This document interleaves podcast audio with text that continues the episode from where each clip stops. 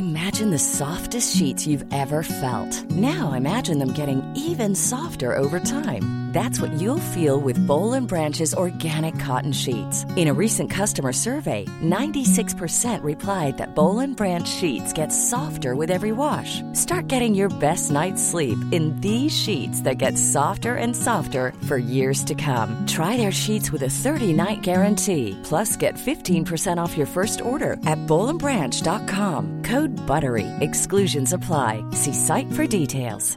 Hey, it's Ryan Reynolds, and I'm here with Keith, co star of my upcoming film, If, only in theaters, May 17th. Do you want to tell people the big news?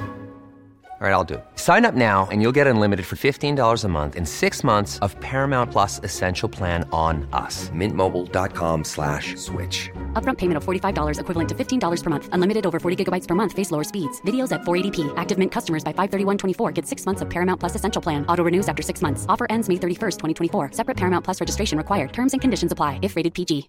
Here's a cool fact a crocodile can't stick out its tongue.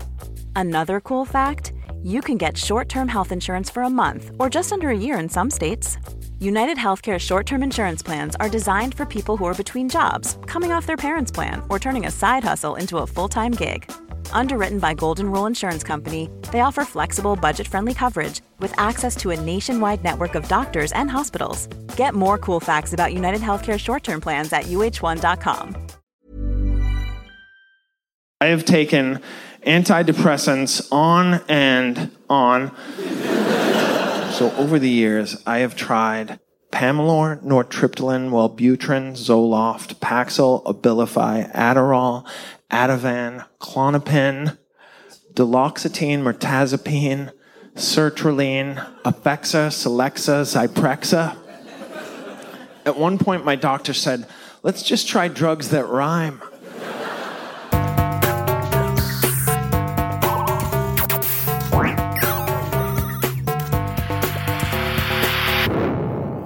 Velkommen til Sinnsyn. Jeg heter Sondre Risom Livre, er psykolog, og dette er Webpsykologens podkast. Hverdagspsykologi for fagfolk og folk flest.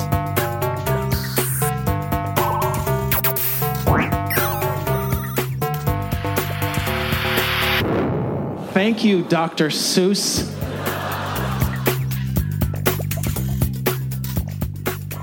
I denne episoden kommer andre del av samtalen jeg hadde med filosofene Hans Herlof Grelland og Håvard Løkke, med Vegard Møller som programleder. Dette var en liveinnspilling på studentscenen til Universitetet i Agder for podkasten som heter Skråblikk.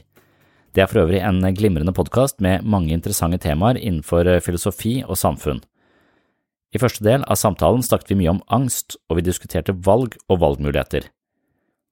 De fleste av oss opplever at vi har fri vilje og mange valg. Noen vil også hevde at det moderne mennesker har mer frihet og flere valg enn noensinne. Eksistensfilosofien hevder sågar at dette moderne mennesket er dømt til frihet. Det betyr at mennesket i stor grad må velge å utforme sitt eget liv på egen hånd. Tidligere ble mennesket styrt av religion, familiebånd, tradisjoner og sosiale forventninger, men i vår tid står individualisme og frihet til å velge i høysetet, i alle fall i vår del av verden og i den vestlige kulturen. For noen oppleves dette som en enorm mulighet til å realisere seg selv uten for mye motstand fra sosiale forventninger og ytre begrensninger, men for andre kan denne friheten føles som et himmelropende ansvar som medfører en indre usikkerhet. Når man hele tiden må velge ut ifra seg selv, uten at man har noen retningsgivende prinsipper eller livsveiledere å forholde seg til, kan det bli en tung bør å bære. Og hvis det ikke ligger noen føringer for hva man skal velge blant de utallige valgmulighetene, kan livet virke nærmest tilfeldig og dermed meningsløst. På den måten kan for mye frihet ramme mennesket med en indre uro som kanskje kan kalles eksistensiell angst. Hvem er jeg, og hvordan skal jeg velge mitt liv? Er det mitt ansvar å gi livet mening? Hvordan skal jeg klare det? Er livet meningsløst? Fra mange valg og potensialet for angst kan man bevege seg over i meningsløshet og depresjon. Dagens episode utgjør altså andre del av samtalen med Hans Herlof Grelland og Håvard Løkke om psykisk helse på Universitetet i Agder den 13. november 2019. Første del av samtalen finner du i episoden som heter Skråblikk på angst her på sinnssyn. I dagens episode fortsetter vi i samme spor som sist, men vi beveger oss altså fra angst til depresjon. og jeg setter scenen med Bo Burnham, som eh, synger en sang om alt det som er veldig trist. Velkommen til en ny episode av. I met a homeless man named Rich.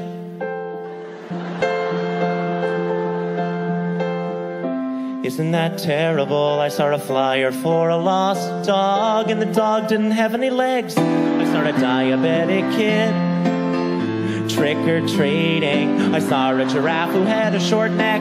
That was sad. Or a deer. I saw an old man get hit by a train. He didn't see it in the pouring rain. He didn't hear me shout, Look out for the train. Because I didn't say anything. Jeg må rett og slett bryte inn og si her det at eh, dere tre blir ikke enige om dette. Ehm, så jeg må gå videre, for jeg vet at folk har lyst til å høre om andre ting også. Eh, og så tipper jeg at dere kommer til å diskutere mer eller mindre de samme tingene om 20 minutter. Ehm, og det, det får være greit, for jeg koser meg som bare faen. Eh, det tipper jeg det er flere her som gjør. Ehm, jeg lurer på eh, Jeg har lyst til å prate om depresjon, og jeg vil henvende meg til, til deg, Hans, fordi at eh, eh, Tenker du at når folk opplever depresjon Jeg tenker når folk får diagnosen Uh, og, og, og det her er noe som er tilbakevendende over flere år. Uh, de har prøvd alt. De har, de har prøvd alle mulige typer terapi, medisiner og kognitiv atferdsterapi, men de klarer aldri å komme unna depresjonen. Eh, vil- du fortsatt karakterisere den depresjonen som et, et valg? Hva er, din, hva er din kommentar til det? Og så kan jo dere svare. Eh, Det korte svaret er ja. Ja. Det, Det vil jeg, ja. Yes. Og det um, Det er jo sånn man bare velger Kan- av og til. Nei, det er det jo ikke, selvfølgelig. Og det er jo derfor jeg liker å kalle det et dypt valg, da. Mm. Det er et dypt eksistensielt valg, og det er ikke et valg man er bevisst, selv er bevisst om at man foretar. Men eh, det er et valg, ja. Du, du kunne tenkes å ha reagert på annen måte med, på den Og, og, situasjonen du er og, og, og du, du, du er en eh, proponent av gestaltterapi, er det riktig? Eh, Jeg har stor sympati for det, ja. Ja. Så, ja. Eh, så hvis man igjen og igjen velger depresjon, da, Mhm. finnes det noen eh, gode behandlingsmåter for å slutte å velge depresjon? Det vet jeg ikke om jeg klarer å foreskrive. Nei. Nei, det tror jeg ligger litt utenfor min Ikke bare min kompetanse, men litt utenfor Altså, depresjon jeg, jeg, jeg, skal jo ikke påta meg å si at jeg forstår um, hva en depresjon alltid er, men jeg tenker på depresjon som en form for tilbaketrekning. Altså man trekker seg inn i seg selv. Og um, problemet i forhold til terapi er jo nettopp det at man er trukket inn i seg selv, og at terapi er avhengig av at terapeuten har kontakt med personen. Så det er på en måte noe i depresjonen selv som gjør terapi spesielt vanskelig. Og, derfor, og, det, det er nesten det jeg kan si om terapi i første omgang. Men jeg er ganske overbevist om at uh,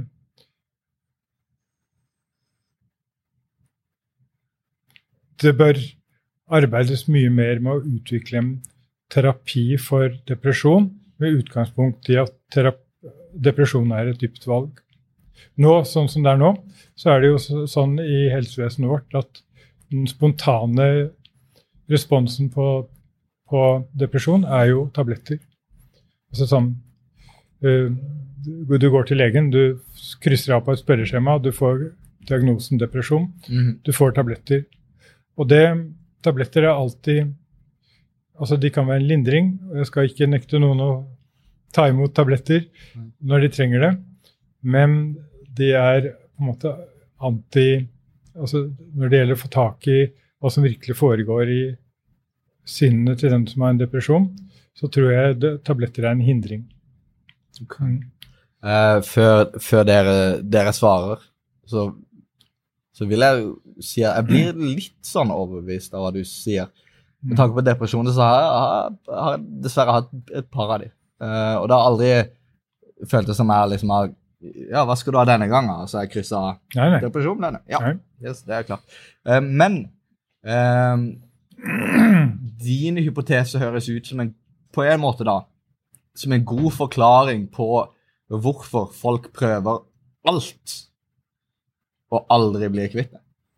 Mhm. Altså, folk prøver medisiner, de prøver all mulig terapi, og 40 år seinere så er det, har, har de det fortsatt. Det er jo riktig fordi det er et fundamentalt valg. Så Mm. er, de velger det likevel. Selv om de tror de velger noe altså, så, på en måte, Selv om de også gjerne vil bli friske, så vil de også være dypest sett altså de vil i en, en dyp uh, Ikke dagklar, bevisst uh, følelse, betydning, så vil de være i depresjon. Fordi et eller annet et eller annet får dem til å ville trekke seg inn i seg selv. Et eller annet med verden, et eller annet med livet, livssituasjonen osv. Og du, og du ville også da prøvd å akseptere depresjonen? I utgangspunktet, ja. Ja. Som, noe, noe, som noe som jeg til, no, til noe som er mitt. Som, er, som noe som jeg gjør. Ja. Som utgangspunkt for, for en terapi. Men det er klart, jeg er jo enig i at man trenger en terapi, og man trenger å komme ut av det. Det er jo ikke noe altså Det er ikke en tilstand som er ønskverdig å være i. Det kan mm. Regner med det er noen kommentarer fra andre sida på det? Mm. Eller er det 100 enighet, kanskje? Nei, nei, det er ikke det. Nei, det er jo ikke det. Um, ikke 50 engang.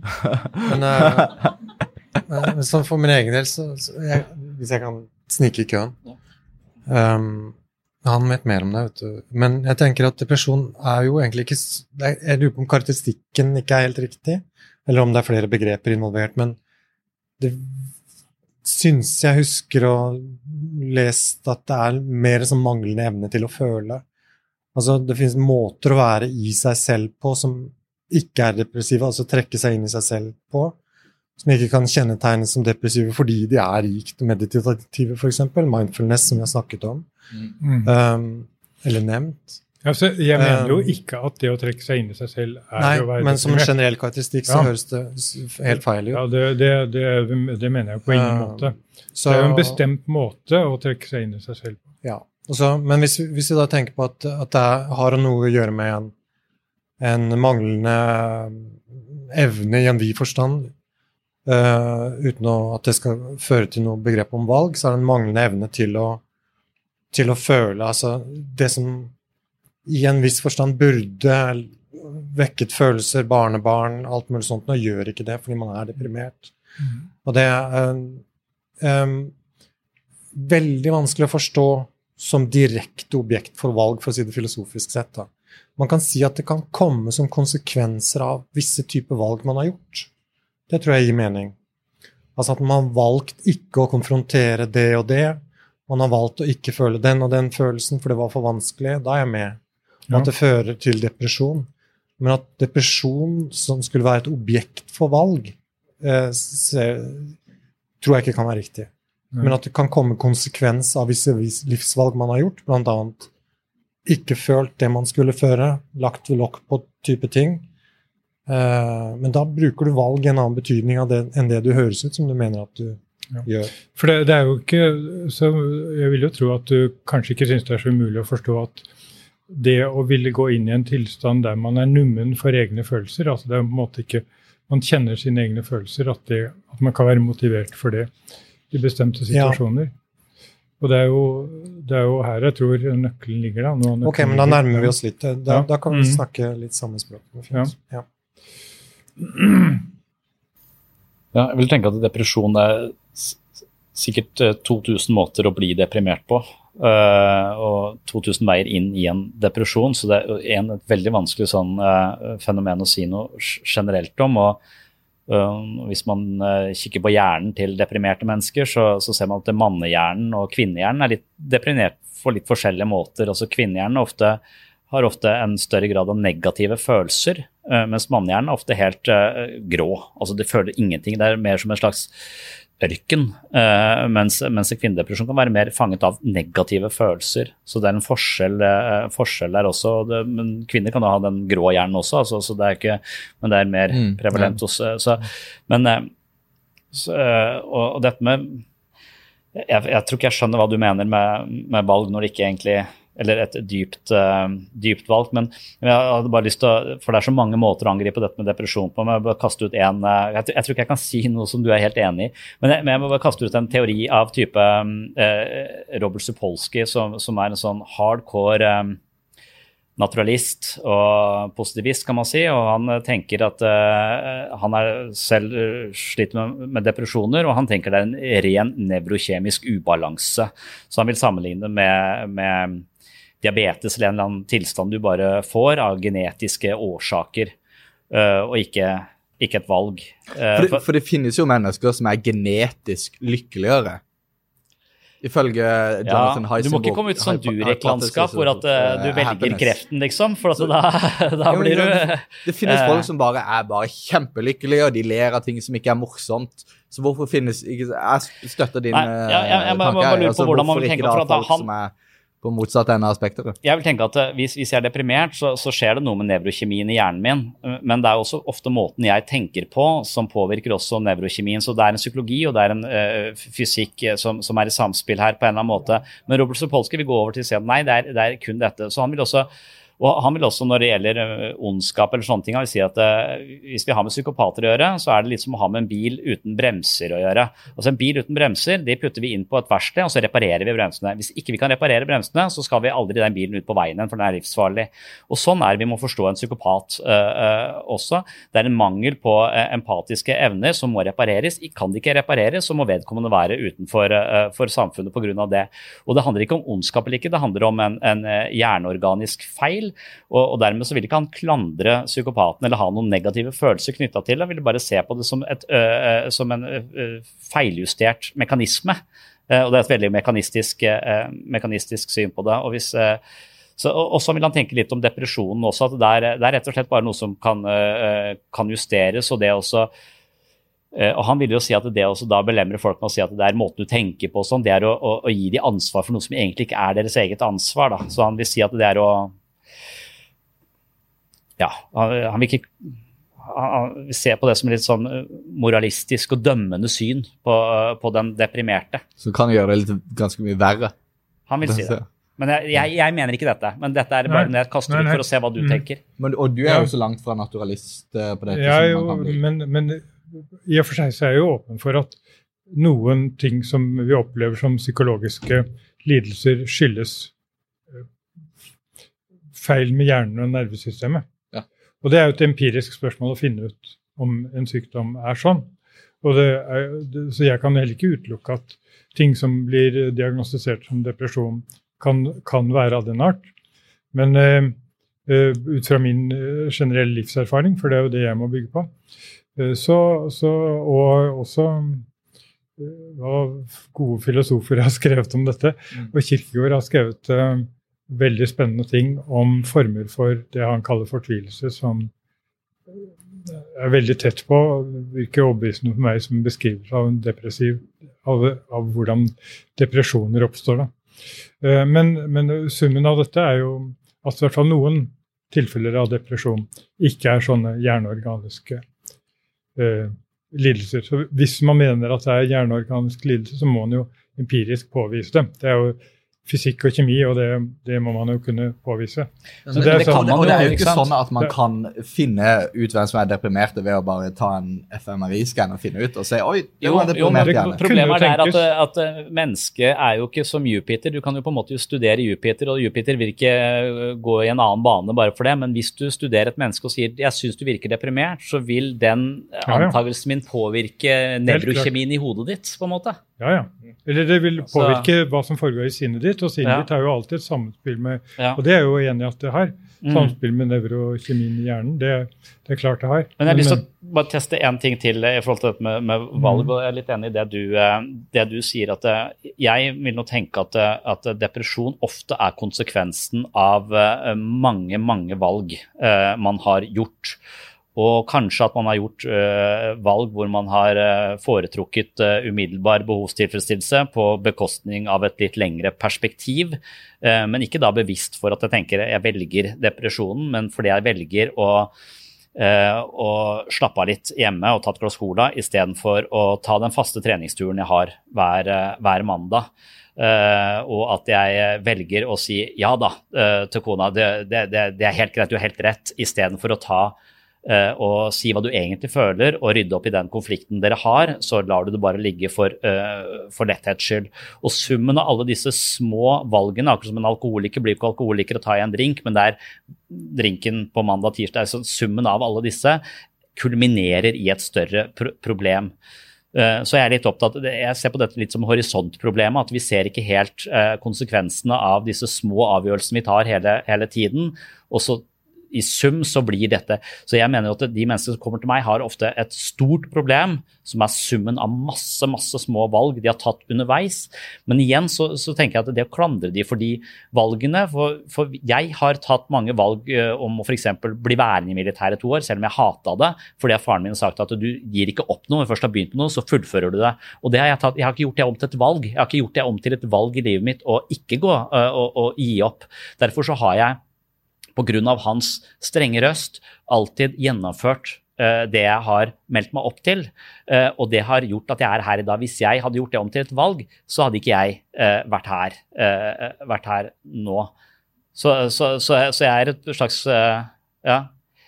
Så, summen av alle, alle, valgene vi gjør, og hvis vi har masse frihet og, og føler at, at, ting kan bli et valg Det føler jeg også med små barn. Altså hvis det, plutselig en dag så sier at jeg vil ikke i barnehagen, og, så, og, jeg gjør det om til et valg for en, sier nei, ok, men så blir vi hjemme i dag, da. Da, da, da har jeg skapt en, en, eh, kilde til eh, ganske mye psykiske plager i flere måneder framover, både for meg og henne.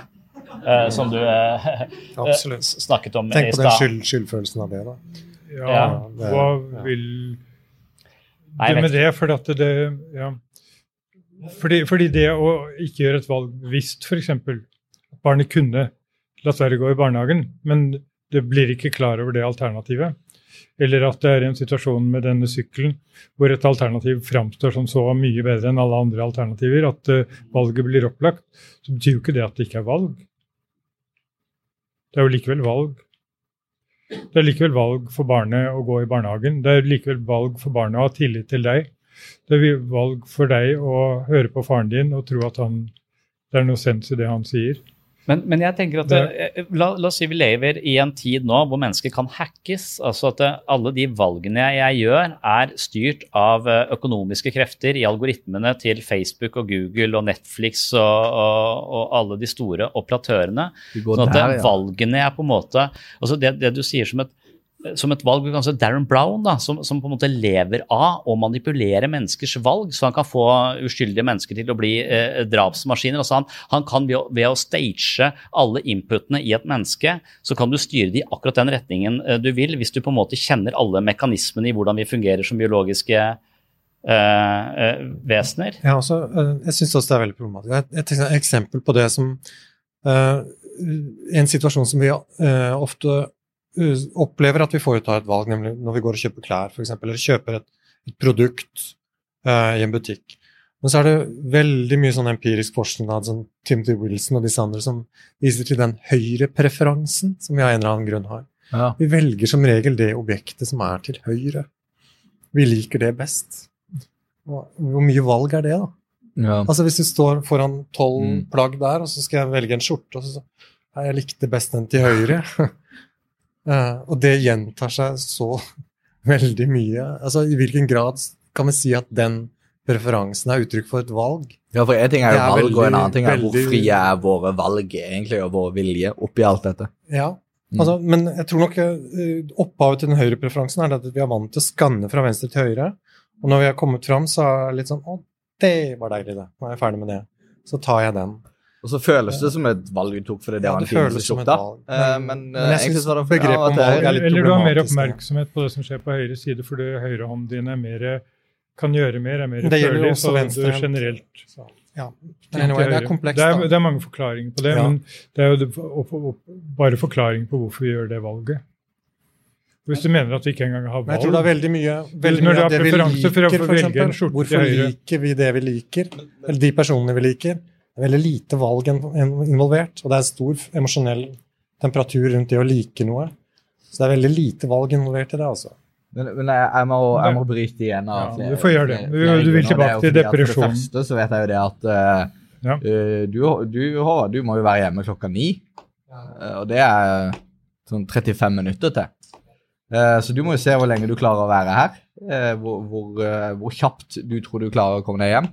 Eh, men jeg har lyst til å se om vi kan komme om vi kan komme til noen enighet om løsninger, om hva man gjør for å løse depresjon. For det er det folk er ute etter. Hva Ja. faen gjør jeg? Bare- bare Siste ting. Jeg ser på psykoterapi som å øke menneskets mulighet til å ta uh, vel uh, ta gjøre bedre valg, altså, eller gjøre bevisste valg. Fordi at uh, jeg ser av og til på psykisk lidelse som uh, ubevisste måter å være på, altså være ubevisste stede som en slags søvngjenger i sitt eget liv, og bare det du kaller gjentagelsestvang fra Freud. Altså at vi bare gjentar uten å egentlig være bevisst hvorfor vi gjør det. Jeg stiller meg bakerst i køen fordi jeg alltid har blitt fortalt at jeg ikke er uh, så spesielt verdifull, så jeg fortjener ikke bedre enn å stå bakerst. Og det gjør jeg det automatisk, men hvis jeg kan gjøre det bevisst om til at dette er ikke nødvendigvis sannheten om min verdi, så kan jeg gjøre et friere valg og si at nei, i dag skal jeg faktisk stille meg, eh, meg foran, og det gjør mennesker bevisst valgene sine. Og, og gjøre de istedenfor å være eh, automatiserte nikkedukker av fortidens eh, erfaringer. Vi, vi, så, litt. ja. Kan jeg avbryte der? For hvis du bare stopper ved dropper den setningen med automatiserte nikkedukker, så er jeg enig i alt du sier. Ok, ja. Men når du begynner å snakke om at det er et, for fordi vi kan gå, eh, Det er ok å snakke om ubevisste valg, altså, også i mitt, min terminologi. Altså, jeg liker ikke ordet ubevisst, fordi, Freud, for, for, fordi Freud introduserte begrepet som et veldig sterkt begrep. som jeg ikke, men, men, men, men noe som vi ikke er oppmerksom på. Hvorfor vi, hvor, vi gjør ting av en grunn, men vi er ikke oppmerksom på grunnen. Og da vil, kan man jo kalle det ubevisst. Og så ubevisste valg, det gjør vi. Det vil bare fortsatt kalle det valg. Bør du ikke gi det et annet ord enn valg, da? Altså, bør, Jo, for det- bør, bør du ikke bruke bør du ikke, Var det det du sa i stad, at du ville innføre et nytt begrep? For det for, Jeg jeg vil jeg foreslå, jeg òg. Ja, ja. Ok. Eh, Gjerne det. Ja, ja. Ja. Gjerne det. Men, eh, Bevisst men, valg, ubevisst valg. mm. men det, det betyr ikke at vi er mekanismer. Og vi er ikke Ja.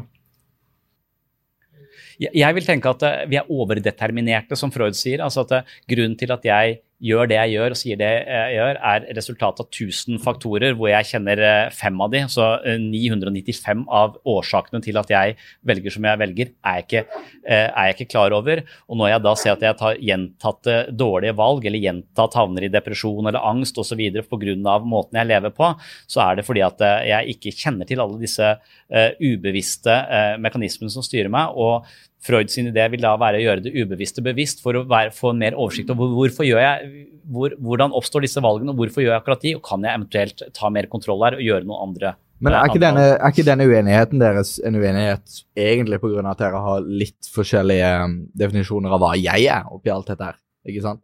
Så når du sier at et, altså, jeg har tatt et valg, så er det fordi du eh, som et ego har registrert mulighetene, tenkt over det og tatt et valg.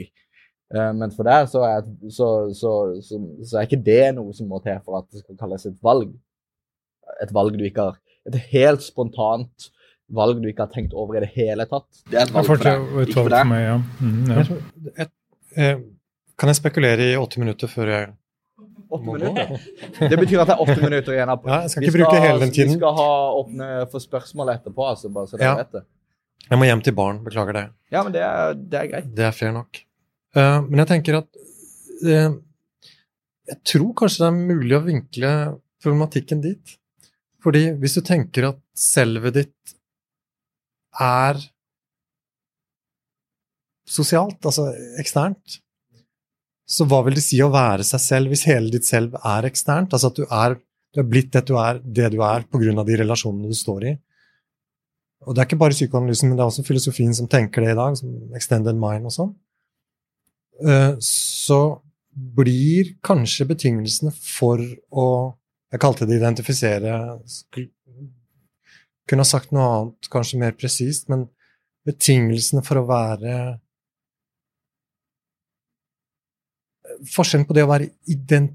Nei, det blir feil, det òg. Altså, forskjellen på, på, det å være med på det man føler, da, og det å bli liksom dratt med uten at man er helt med på det, er ikke det at uh, altså, Tenk på det selve som du da skal være, den aktøren i dette livet som du beskriver som hvor du er. Uh, det selve er jo ikke helt isolert. Altså, det, det, er mye et produkt av relasjonene dine. Ikke bare de du har vært i, men tenk på alt det som skal til for at du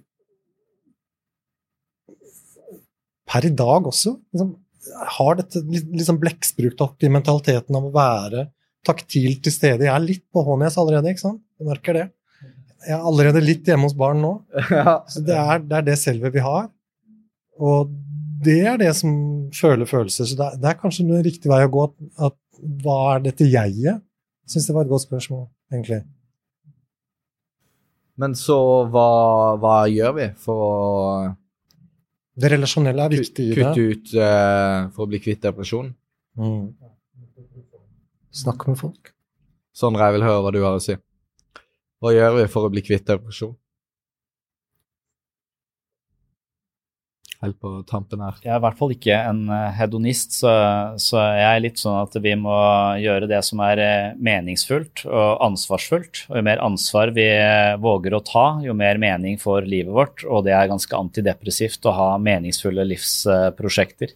Ja. Eh, så, og, så denne mentaliteten med at ting skal være bra og, og gøy og, og spennende og sånn hele tiden, den den tror jeg er en blindvei, og det tror jeg gjør oss litt sårbare for uh, skuffelser og, og depresjon.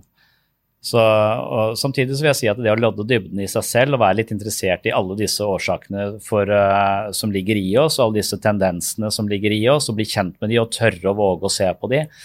Sånn som, uh, jeg pleier alltid å snakke om Robert Bligh her, som skriver denne om jernhans som skal finne den gullballen etter dette tjernet. altså at det Tjernet er et slags symbol på det ubevisste. Uh, ofte i mytologi så vil vann ofte symbolisere det ubevisste. sånn I Bibelen også. det er valen, ja. I det ubevisste så er det masse mørke krefter og drit som vi er litt redd for. Vi er redd for dette dypet.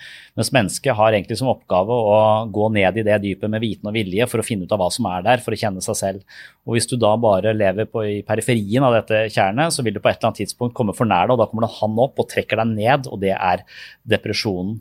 Så det å, å så, så, jeg er på, langt på vei enig, eller jeg vet ikke om jeg er enig, men, men, men jeg, jeg, er veldig sympatisk innstilt til å, til å um, undersøke Eller være interessert i, i, i, sin egen lidelse og sin egen smerte, uh, og, og tørre å våge det, og ikke prøve å hele tiden unngå det.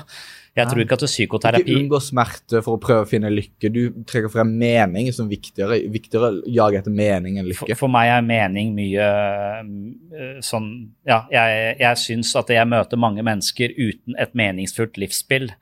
Uh, og jeg tenker at de har f.eks. å ikke være i jobb, uh, bare sånne ting. Og ikke ha struktur på dagen, og ikke ha noe å stå opp til, ikke ha noen å stå opp for. Uh, alle de tingene, det gjør at hver eneste oppstandelse blir et valg. Eh, og for meg er ikke det et valg. Altså, jeg er nødt til å stå opp og få barna mine på skolen. Jeg er nødt til å gå på jobben fordi jeg er forplikta til Sørlandet sykehus. Og da har jeg en del strukturer som sørger for at jeg slipper å ta de valgene, og det skaper en struktur og en mening i mitt liv som jeg ikke alltid er begeistra for, men som nettopp er eh, innholdet i, i livet. Så jeg kan når jeg møter mange mennesker som er utenfor arbeidslivet og vokter om morgenen og ikke vet hva de skal, og det eneste de gjør i løpet av uka er å komme halvannen time i gruppeterapi eh, hos meg, da tror jeg ikke det, det, er vanskelig å snakke seg ut av den depresjonen. Jeg tror, du, jeg tror du virkelig er nødt til å jobbe på så mange plan eh, samtidig. Du er nødt til å trene litt hver dag, du er nødt til å møte noen andre mennesker, du er nødt til å være ute i naturen.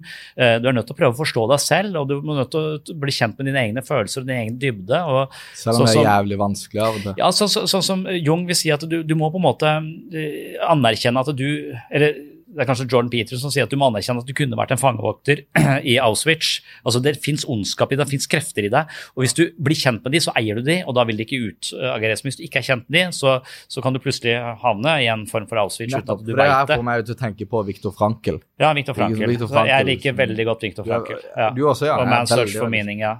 Mm. Ja, altså at du, eh, du må finne ut hva er den overordna grunnen til at jeg lever. Definere for deg sjøl. Hva er det som gjør at jeg står opp om morgenen? Hva er min rettesnor i livet? Um, for hans hypotese var jo det at de som døde i Auschwitz, det var de som var fanga i enten Det var de som fang, var fanga i nå er jeg enten i glede eller i sorg. Uh, mens han hadde, han, hadde en men, han hadde en mening, en, en transcendent mening. Det var hans arbeid som psykolog, det var, og det var uh, familien av sin kona si. Det var, det var noe det var noe som gjorde at han kunne takle hvilken som helst smerte fordi meninga var viktigere. Ja, sånn liksom Nietzsche, hvis du vet hvorfor, så klarer du et hvilket som helst hvordan, på en måte. Nettopp. Men, nettopp. ja, og så, Det vil jeg tro at så- at, så eh, tenker jeg også at kan, dette Ja, ja. Mm. Men du, da eh, Men dere, da vi åpner for spørsmål, men da avslutter vi podkasten, og jeg vil egentlig bare si at jeg syns det her har vært helt fantastisk. Dere har alle tre gjort en utrolig god jobb, og jeg bare syns at eh, publikum eh, burde, burde gi de den applausen de fortjener.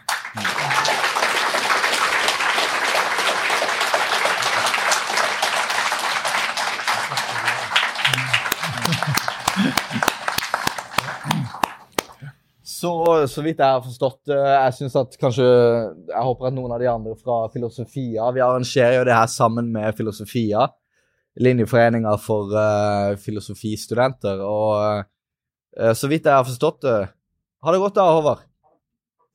Eh, så skal Håvard sin mikrofon eh, bli eh, nå konvertert til eh, spørsmålsmikrofonen. Men Ole Markus, kan du komme opp eller noe? Ja.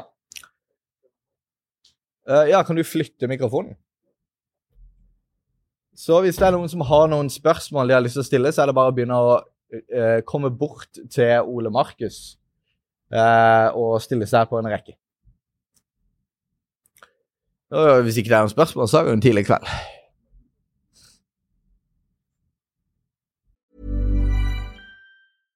How would you like to look five years younger? In a clinical study, people that had volume added with Juvederm Voluma XC in the cheeks perceived themselves as looking five years younger at six months after treatment. Look younger, feel like you. Add volume for lift and contour in the cheeks with Juvederm Voluma XC. Reverse signs of aging by adding volume to smooth laugh lines with Juvederm Volure XC. For important safety information and to find a licensed specialist, visit juvederm.com. That's J U V E D E R M.com. Not for people with severe allergic reactions, allergies to lidocaine, or the proteins used in Juvederm. Common side effects include injection site redness, swelling, pain, tenderness, firmness, lumps, bumps, bruising, discoloration, or itching. There's a risk of unintentional injection into a blood vessel, which can cause vision abnormalities, blindness, stroke, temporary scabs, or scarring. Talk to a licensed specialist to find out if it's right for you.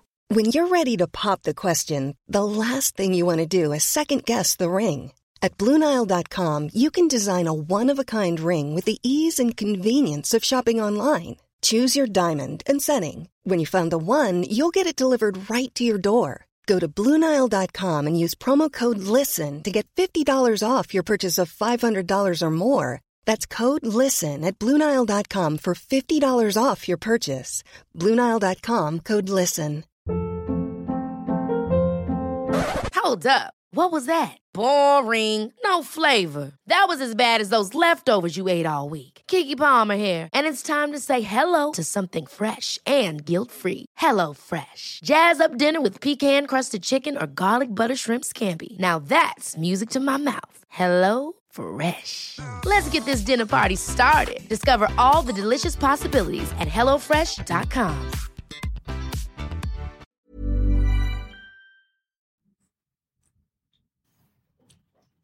Slapp av, denne ventepausen den klipper jeg eh, i det som legges ut på YouTube, så Hei sann. Hei. God dagen. Hva lurer du på? til deg. Du sa at vi ikke er våre egne følelser, og at vi eh, på en måte kan distansere oss og objektifisere de. Da lurer jeg på Jeg fikk litt sånn der identitetskrise akkurat da. For hvis ikke vi er følelsene våre, hvis ikke vi er tankene og, og det der, hva er det igjen da? Um, Ja, Det må du også svare på etterpå. altså. er det ikke For altså, er ikke vi summen av valg vi har tatt, tanker vi har, følelser um, Liksom den konstruksjonen? Eller tenker du at hvis vi tar vekk alt det, så er det en dyp essens, og der var jeg? Det var det som var meg. Um, ja. Skjønner, skjønner du hva jeg spør om? Ja, jeg skjønner hva du spør om.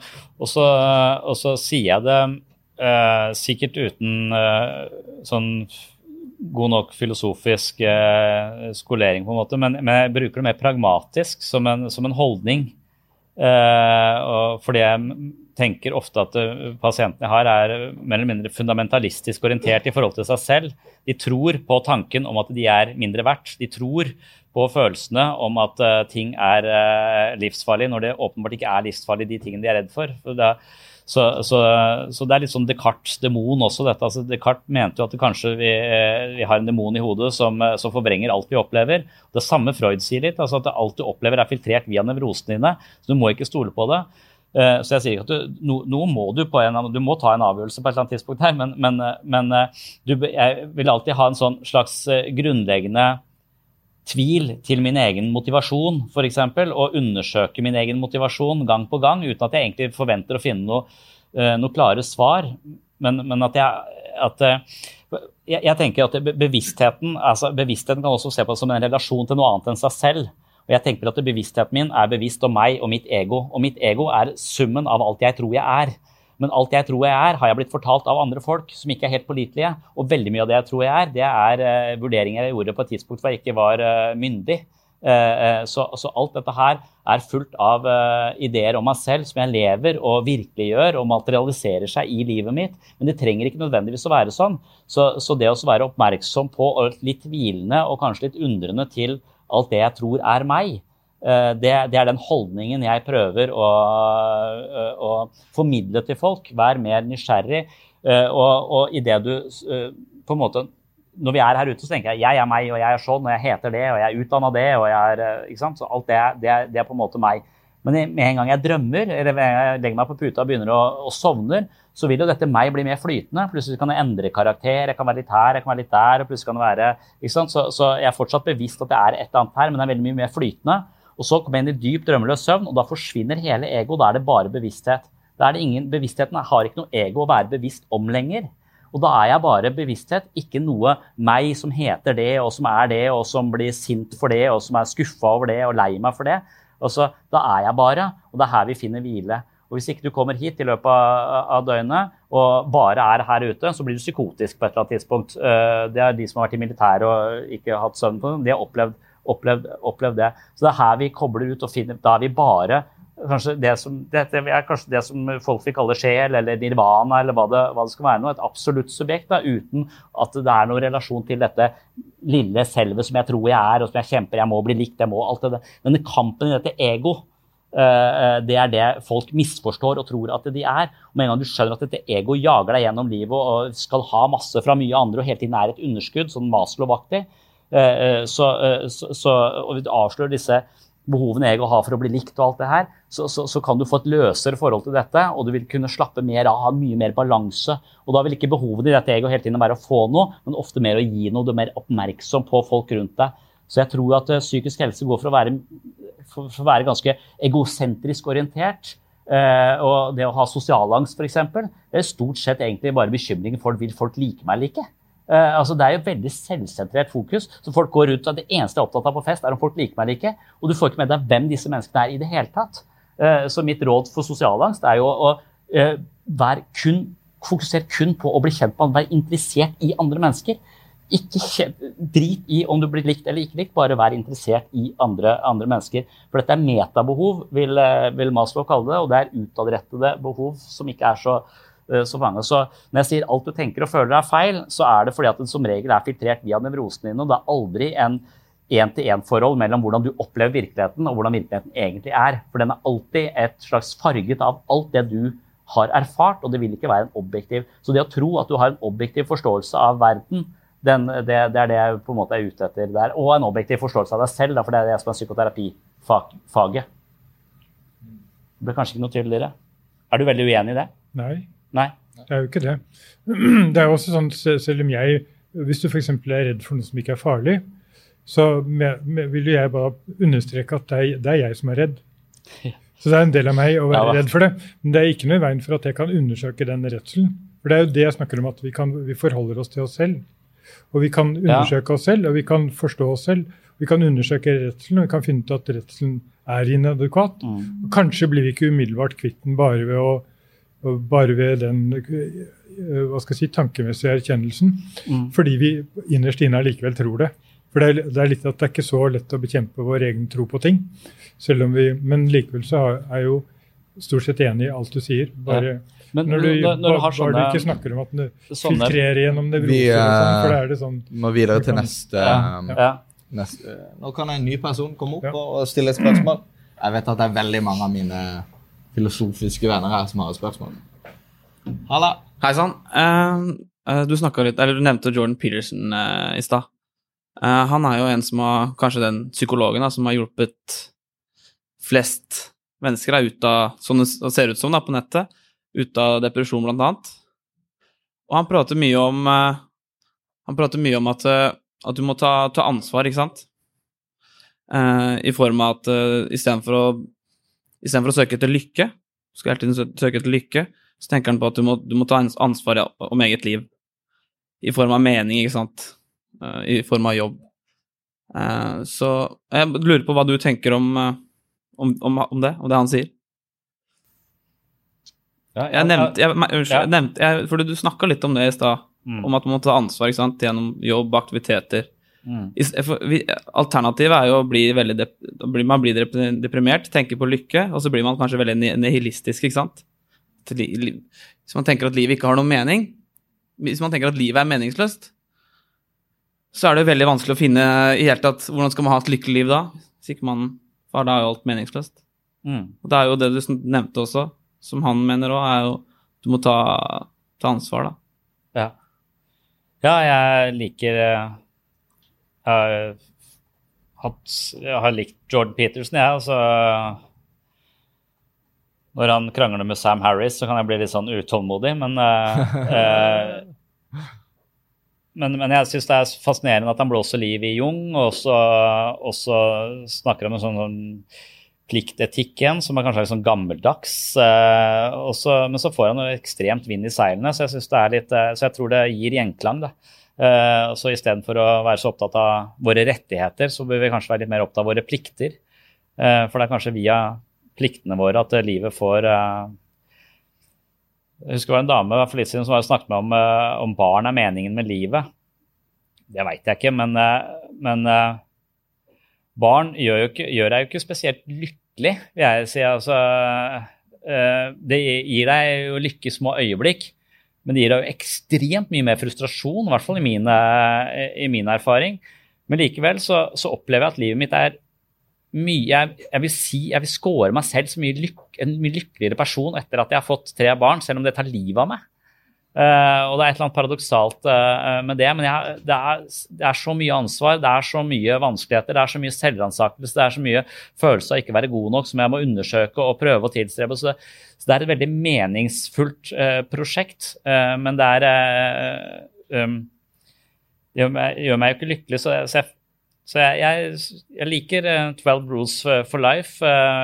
litt sånn urolig for hele figuren, på en måte. Eh, Jordan Peterson, bare sånn av person. altså Kona mi føler jeg har sånn god intuisjon, og hun har ikke fulgt Jordan Peterson så mye, men hun har bare kastet et blikk på han og sagt 'psykopat'. Eh, og så, og så, så, så, med bakgrunn på det, så er jeg litt sånn eh, skeptisk til hele, hele fyren. Men tankegodset hans kjenner vi jo igjen, på en måte. Og noe av det mest kristenkonservative syns jeg er litt sånn Ja, ja. Jeg tror En god oppsummering av Jordan Peterson er det at på politikk og kosthold så burde du kanskje ikke følge med så mye. på hva han sier. uh, men at uh, han er jo faktisk sånn i nåtida en av de beste til å formidle eksistensialisme og, mm. og psykoterapi. For det er mange For folk, folk som, som, har på en måte lagt hele livet sitt uh, altså inn på internett f.eks. og har blitt Ja. sittende foran uh, World of Warcraft i 2016, og så våkner de opp i dag og føler at livet har gått forbi de og ting er meningsløst. Og, og, og, og, Ja. det er noe med da å Ja. Mm. så jeg tror han vekker en del, eh, en, en del mennesker som har uh, havna litt i denne offerposisjonen for, uh, for verden. Han er ikke spesielt eh, s- empatisk innstilt offerposisjonen. Han er en ganske streng far. Eh, han er plutselig Ja. denne strenge faren som kommer inn og sier at vi må skjerpe oss, og så funker det litt. Mm. Mm. Mm. Helt enig. Jeg tror vi rekker to spørsmål til. Hei sann. Hei, Vegard. Ja, jeg har egentlig jeg har lyst på en kommentar fra hver av dere, en refleksjon. Eh, ok, så altså et liv med episoder av angst, eh, angst som man ønsker å utforske, som er vondt og smertefullt, og episoder med depresjoner, men også episoder med glede. Eh, hvor man ikke ønsker, altså hvor jeg ikke ønsker å være foruten det ene, sånn som du sier, angsten. Jeg må ha den for å kjenne meg hel og for å få mening, utforske den. Men samtidig hvor jeg kanskje har måttet få hjelp i perioder for å kunne se den mer objektivt og kunne gå inn i den. For meg gir dette mening i livet. Skal det ikke være sånn? Mm. Det er, det er, men det er et veldig spennende tema, det der med at eh, angsten kan, kan oppleves sånn. Eh, blant annet Edvard Munch eh, er et veldig spennende eksempel, for han gikk til, han gikk til psykoterapi. og Da skriver han at han var redd for at han skulle miste angsten sin. For han følte at det var en sånn nerve i angsten i til han, han i forhold til det å male. da. Men det er en nerve i forhold til å leve. Så det er en, angsten er et uttrykk for et eller annet. som- det er det. det- ja. Tror Mhm. det. Mm, Tror jeg. Ja. Når, når du finner det i litteraturen, eller sånn som jeg var en sånn lang Kafka-periode, eh, hvor det er ganske mye angst eh, Hvis du klarer å formidle det på denne, på denne måten og gi det, et, gi det et uttrykk, så vil jo Freud kalle det for sublimering. altså Du klarer å, å, å bruke det til noe egooppbyggende og konstruktivt. Ja, Eh. Så, så, og det, det du hvis du tar Jordan Peterson igjen, da, så snakker han også om disse yin og yang, eh, at det er det svarte og det hvite. altså Han snakker om kaospatologi og ordenspatologi. Så noen mennesker er ekstremt opptatt av orden og at ting skal være forutsigbart og kontrollerbart. De er veldig da redd for, eh, for det usikre. Eh, Så de, vil, de, de, de også litt sånn OCD-prega. De skal bare, alt skal være orden, og så lenge alt er orden, så skjer det heller ikke noe nytt. Og de vil ikke at noe nytt skal skje. Og det er på en måte litt å være død i livet, da. Eh, og så har du kaosmennesker som på en måte ikke har orden på noe som helst. Og, og, og, så han sier at kaoskreftene er de feminine kreftene, mens det, disse ordenskreftene er de maskuline kreftene. For det, det feminine er der det på en måte er det oppstår nye ting. Det er fødsel og nytt liv. Så man må på en måte ut i kaoset, ut i denne angsten og uroen for at det skal oppstå spenning og nye, nye ting. Men så, hvis man er der hele tiden, så er det vanskelig og nesten umulig å leve. Så man må på en måte Det er derfor yin og yang har denne, denne hvite prikken eh, i det svarte og denne svarte prikken i det hvite. altså At det går an å skape orden i kaos. og Det er kanskje det som er livsprosessen. Våge dette ukjente, for så å trekke seg litt tilbake og skape orden i, i det og utvide sin eh, manøvreringskapasitet kan man si, i livet. Og tåle, tåle mer og utforske, utforske mer. Så det er angst og, og, og, og trygghet og ja. ja. Det er sånn han snakker om yin og yang-type filosofi, da, sånn østlig. Ja. Vi, eh, vi rekker i hvert fall ett spørsmål til. Vi gjør det. Ut fra hvor lenge jeg vet kameraene varer. Ja, hei. Hei sann. Hei. At dere nevner jo veldig mye om valg, og jeg vil først si at det var en veldig interessant diskusjon. Jeg er egentlig delvis enig med alle, eh, så dere argumenterer veldig godt for det dere står for. Men jeg tenker bare på det her valg. Dere liksom nevner at eh, frihet Valg nevner du friheten vil da gi At når du har friheten til å velge, vil gi angst. Men dagens samfunn bygger jo mer og mer på valg. Vi åpner jo mulighetene for valg. Vi ønsker ideen rundt å ha valg og kunne velge det. Bare du skal velge melk på butikken, det er ulike merker, det er ulike fettprosenter. De valgene fortsetter og fortsetter, og dere nevner også at, kan, at du kan liksom personlig begrense valgene dine. Men hva hvis du da stenger den døra med at du skal følge den at du, du later som ikke alle de valgene er der. Da vil du jo fremdeles være underbevisst eller sånn om at det er valg. Vil du ikke da kunne tenke at du angrer på de valgene du gjør fordi at du vet at det er andre valg? og det er liksom Det er klart, Jo større frihet, jo større potensial for anger. Det er helt klart. Ja. Ja. Men uh, vi vil jo ha friheten likevel. Ja, for det er jo det vi har, liksom et jag mot å Ja. kunne velge. Men samtidig, at alle de valgene kan føre til så mye Men friheten i vår tid handler om mer enn bare å kunne velge varer og sånn, tenker jeg. Altså det er en, det er en sånn det, For første gang så har jeg lyst til å trekke frem noe som jeg ikke er så veldig glad for å trekke frem i andre sammen, eh, generelt, nemlig alderen min. Og det er at jeg har, jeg har levd i andre tider med, med mindre følelse av frihet. Altså da jeg, da, da jeg var barn, så, så levde jeg i et samfunn med mye mindre følelse av frihet. Og du kan si det gikk på vareutvalg i butikken og sånn, men det var liksom ikke det. Men det, var sånn, det, var, det var ikke så mange måter man, kunne, man fikk lov å være på. Og det var heller ikke så stor fantasi om hvordan man kunne være som menneske. altså hvor, hvilke, Ikke bare hvilke yrker man kunne velge, sånn, men, men hvordan man kunne være. Men i dag Og det, i dag liksom har vi en veldig stor følelse av at vi kan være, være veldig mye forskjellig. Og jeg, jeg oppfatter det som det er uendelig verdifullt. Og gir det oss angst, så tar vi angsten, og så gleder vi oss over friheten. Det er min holdning til det, da. Mhm. Ja, det, det er et godt poeng. Og en Mm. fin måte å tenke eh, på det. For jeg, for jeg tror nok at våre pasienter i psykisk helsevern i dag også er atskillig annerledes enn Freud sine pasienter, som ofte var hemmet og ikke fikk lov til å smile, eller sånn Mm. Victoria-tid med ekstremt eh, store begrensninger. Så da var det en undertrykkelse, mens, eh, mens nå er det kanskje en slags kan det være litt sånn fråtseri også. Det er en del feller i dette, dette veldige privilegerte, fullt av, av valg. At vi, jeg mistenker at vi kanskje ikke er selvdisiplinerte nok til å tåle det. Og, og dermed så, så velger, kan velge det her, velge det der. Så egentlig så, så er vi ikke kompetente eh, til å ta valg. Og det er det en del forskning som viser at mennesker er ikke spesielt gode på å, å ta valg hvis det blir for komplisert. Eh, bare dette med, ja, Det er masse sånne rare statistikk på det, men hvorvidt vi er organdonor osv. Det handler jo litt om hvordan du stiller spørsmålet. Altså hvis du, vi- vi- hvis du er nødt til å, hvis du automatisk blir organdonor hvis du ikke krysser av på at du ikke vil være med i programmet, så har, eh, har land 90 organdonorer. Eh, Men hvis de har det motsatte, at default mode er at du ikke er organdonor, så er det ingen som krysser av for å bli det. for at det Hvordan skal jeg forholde meg til dette? Hva skjer når jeg er død? Hva skal jeg tenke om det? Trenger kroppen min når jeg er død? Skal jeg ha den med meg videre? Liksom. Så, så, så det, det er ting vi ikke orker, det er et valg vi ikke orker å ta. Så vi, vi unngår å ta, ta, ta valgene, uh, på en måte, for vi er ikke spesielt kompetente til å ta veldig kompliserte, kompliserte valg. Dette er jo et argument for et autoritært samfunn. Ja. Så Det det, var det jeg konkluderte med på, på Ja. Filosofifestivalen i år. At det, de beste, det beste hadde vært hvis alle bodde i Nord-Korea. da hadde vi hatt det bra.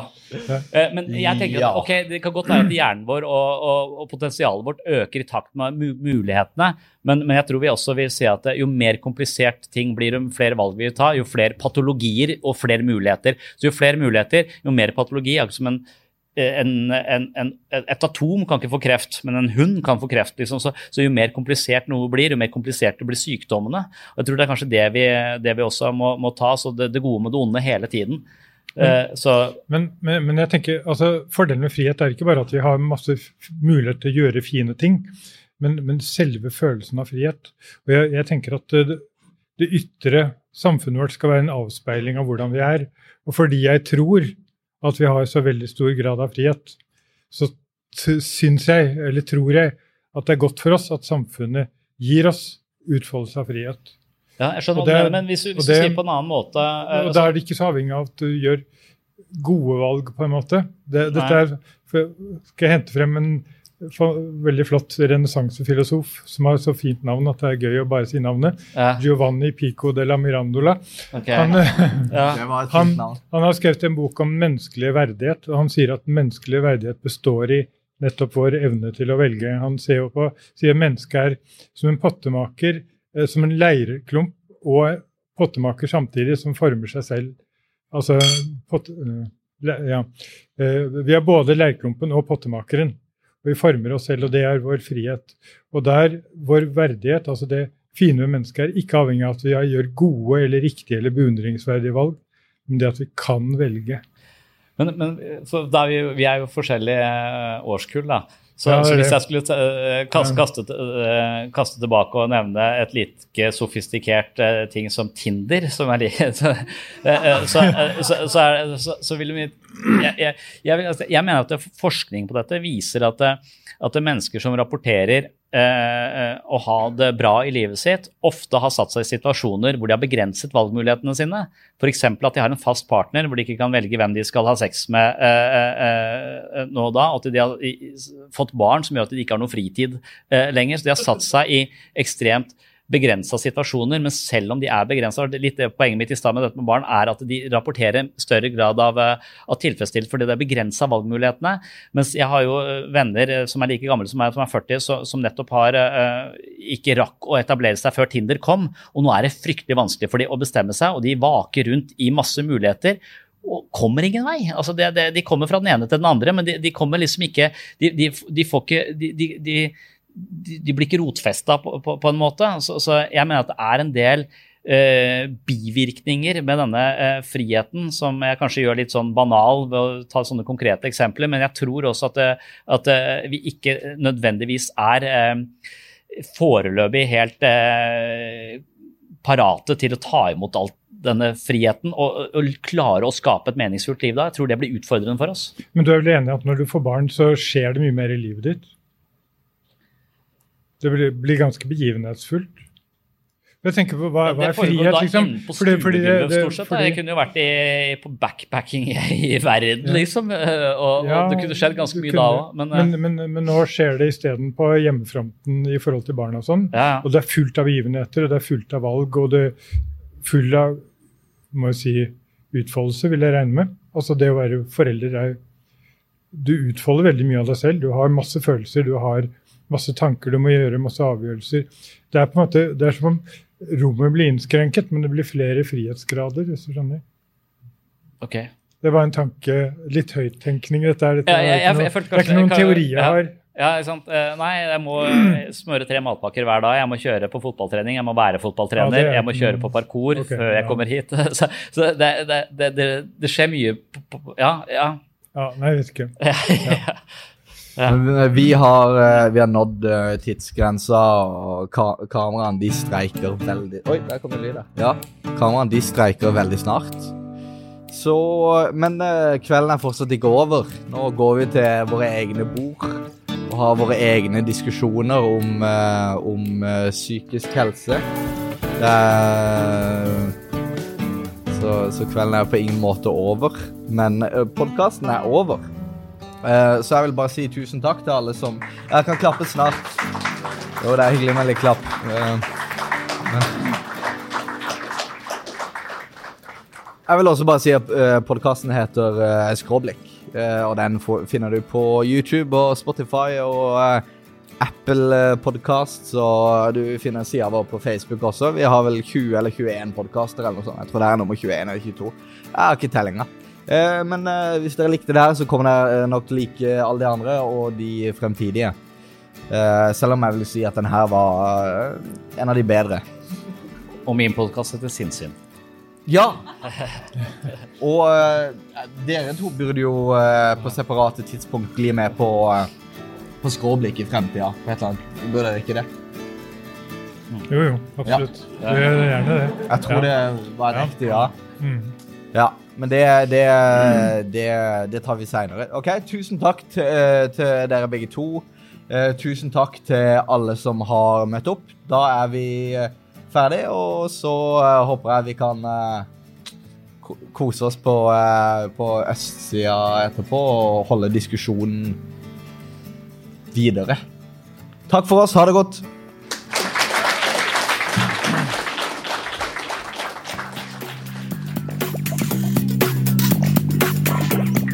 Takk for at du hørte på Sinnsyn. Takk til eh, Vegard Møller som ledet denne samtalen.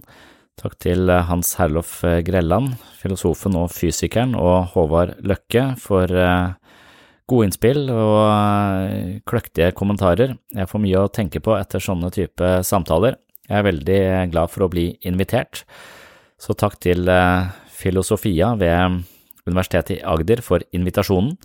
Og så oppfordrer jeg folk da til å høre på Skråblikk, denne podkasten som eh, Håvard er programleder for, som har med seg mange interessante gjester og snakker om både samfunnsspørsmål, men også gjerne filosofiske finurligheter. Så for de som har en eh, hang til filosofi og psykologi, så anbefaler jeg skråblikk. Det var det for eh, denne gang. Håper du henger med i neste episode. På gjenhør.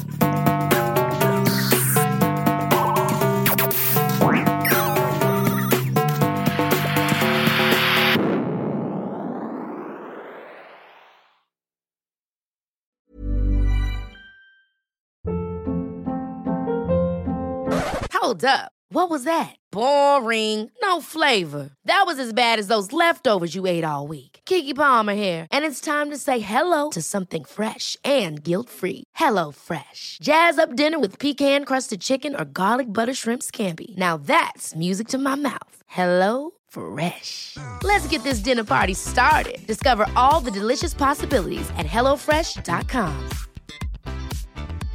Hey, it's Paige DeSorbo from Giggly Squad. High quality fashion without the price tag. Say hello to Quince. I'm snagging high-end essentials like cozy cashmere sweaters, sleek leather jackets, fine jewelry, and so much more. With Quince being 50 to 80% less than similar brands. And they partner with factories that prioritize safe, ethical, and responsible manufacturing. I love that. Luxury quality within reach. Go to quince.com slash style to get free shipping and 365 day returns on your next order. Quince.com slash style.